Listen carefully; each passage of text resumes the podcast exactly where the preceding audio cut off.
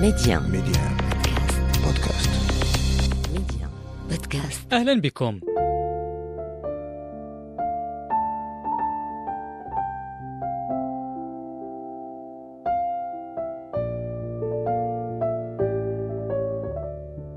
في عدد اليوم من برنامج مكاشفة نواصل استكشافنا للديانة المسيحية من نافذة الصيام بعدما تعرفنا في العدد السابق مع ضيف الحلقة الأستاذ الأب كميل مبارك على الأساس التشريعي للصيام في المسيحية أو ما يسمى بالقطاع. غاياته وفتراته وما يمنع خلالها والخصوصية التي تجعل المسيحيين يمتنعون عن أكل اللحوم ومشتقاتها والبيض والألبان. اليوم تستمر رحلتنا المعرفية الأسبوعية في عوالم الديانات.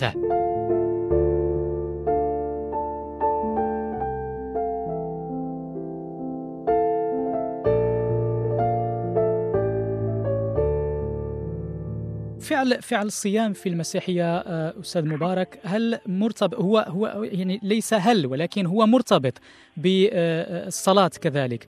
لماذا هذه الثنائية؟ يعني مثلا حينما نتحدث عن الإسلام الصيام والصلاة هما ركنين منفصلين. طبعا يتم الجمع بينهما بشكل آه، يعني تقريبا دائم لكن في المسيحية حسب ما أفهم وهنا معرفتي قد تكون قصيرة طبعا هما فعلان آه، مشتركان دائمان متلاصقان متلازمان كذلك. هما متلاصقان متلازمان ولكن الالتصاق والالتزام ليس الزاميا. يستطيع الإنسان أن يصلي على مدار أيام السنة دون أن يصوم. المطلوب كنسيا وقانونيا أن ينقطع عن الزفر يعني عن اللحوم ومشتقات اللحوم فقط يومين. يوم الاربعاء ويوم الجمعة من كل أسبوع كما قلت لحضرتك. لكي يتضامن مع الناس الآخرين ولكي يشعر حقيقة في قلبه وعقله وكيانه أن الأرض وخيرات هذه الأرض ليست ملكا له إنما هو قيم على هذه الأملاك هو حارس لهذه الأملاك هو وكيل ربنا ربنا وكله في كل خيرات الأرض. وذلك وكذلك الأمر وكله في خير الناس. لذلك الوصية العظمى التي تعطيك صورة واضحة عن وجهة الصوم هي يقول السيد المسيح حرفيا أن تحب الله من كل عقلك وقلبك وعواطفك وأن تحب قريبك كنفسك. هذه الوصية تجعلنا في الصوم نلتزم بمحبتنا لله وبمحبتنا للقريب.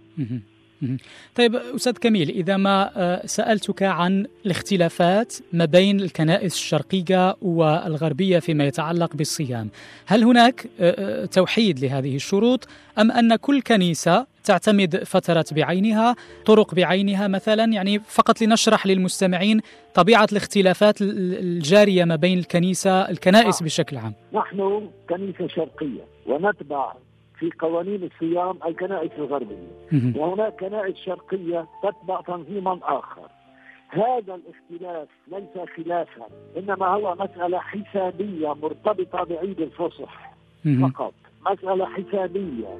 عندما صححت الرزنامة وعندما حذف أشهر من السنة وعندما تم الأحبار الكبار البابوات غريغوريوس وغريغوريانوس عندما صححوا الرزنامة تبين أن هناك اختلاف في الوقت فقط لا غير. من اتبع التقويم الأول يصوم مع رفاقه في التقويم الأول ومن اتبع التقويم الثاني يصوم مع رفاقه بحسب التقويم الثاني.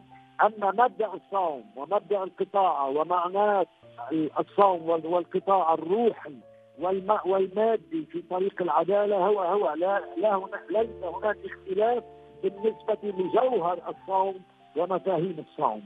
إنما الاختلاف فقط في التوقيت. هناك زمن نختلف في الصوم. دائما نصوم قبل عيد الفصح وقبل عيد الميلاد وقبل عيد السيده العذراء كل الكنائس الشرقية والغربية. ولكن لأنه عيد الفصح يختلف في التوقيت بين كنائس الغرب وكنائس الشرق يصوم كل واحد حسب ما يقع هذا العيد ولا يقع هذا العيد اطلاقا إلا بين 27 اذار مارس يعني مارس طب و 11 أو 12 ايار ماي مايو. في الشرق وفي الغرب نفس نفس الموقع. طيب أستاذ كميل يعني مسألة الصيام في المسيحية فيما أفهم هي ليست مسألة إلزامية وإنما مرتبطة بضمير شخصي لكل متعبد. لكن هل غيابه أو تجنبه أو عدم القيام به من طرف المسيحي يمس مسيحيته في شيء؟ هل المسيحية تكون مكتملة بشكل تام آه، حينما تكون مرتبطة بالصيام أن آه، غيابه قد لا يشكل آه، فرق؟ لا ليس هناك من إلزام بمعنى الإلزام ليكتمل إيمان المسيحي إطلاقا. إيماننا يكتفي بأن نؤمن بأن سيدنا يسوع المسيح مات وقام من أجل خلاص البشر. كل البشر مش بس المسيحيين كل البشر. هذا هو الإيمان. ونؤمن بالله الاب الخالق الضابط الكل ونؤمن بالروح القدس ونؤمن بالقيامة ونؤمن بكل ما تعرفه عن هذه طبعا. ونلتقي مع المسلمين بكثير من هذه النقاط. ومع اليهود. كذلك الامر إذا الصيام ليس لا ليس مرتبطا بإرادة الشخص كما تفضلت حضرتك ابدا. وليس هناك نسبية أخلاقية في اتباع الصوم. هناك وصية ملزمة للصوم. من يخالف هذه الوصية يجب أن يطلب الإذن ويجب أن تكون هناك أسباب ربما أسباب صحية. هناك من الكثير من المرضى يتناولون الأدوية صباحا. صحيح. ولا يستطيعون أن يتناولوا هذه الأدوية قبل الأكل. فإذا يجب أن يأكلوا ثم يتناولوا الأدوية. إذا الأمر مرتبط بتطبيق الوصية حرفيا ولكن مخالفة هذه الوصية إذا تم بإذن فلا فلا فلا ذنب على المخالف. أما من لا يكترث ولا يهتم فيقع في الخطأ. وهذا الخطأ يتوجب عليه أن يطلب الغفران من الله ومن الكنيسة. آخر سؤال أستاذ كميل هو آه، ما ما الموانع الأخرى في آه، فترة الصيام بالنسبة للمسيحي بمعنى إذا ما استثنينا مسألة الأكل والشرب آه، هل هناك أمور آه، يجب تفاديها ربما خلال فترة الصيام؟ حسب ما قرأت وطبعا بإمكانك أن تصحح لي المعلومة أن هناك مثلا الأفراح ربما تتطلب إذن كنسي خلال فترة الصيام. نعم الزواج الزواج فقط. فقط يعني تحديدا الزواج وحده الذي يجب تفاديه إلا بإذن كنسي خلال فترة الصيام. نعم بإذن كنسي، هذا الأمر يجب أن يتم بعد إذن كنسي.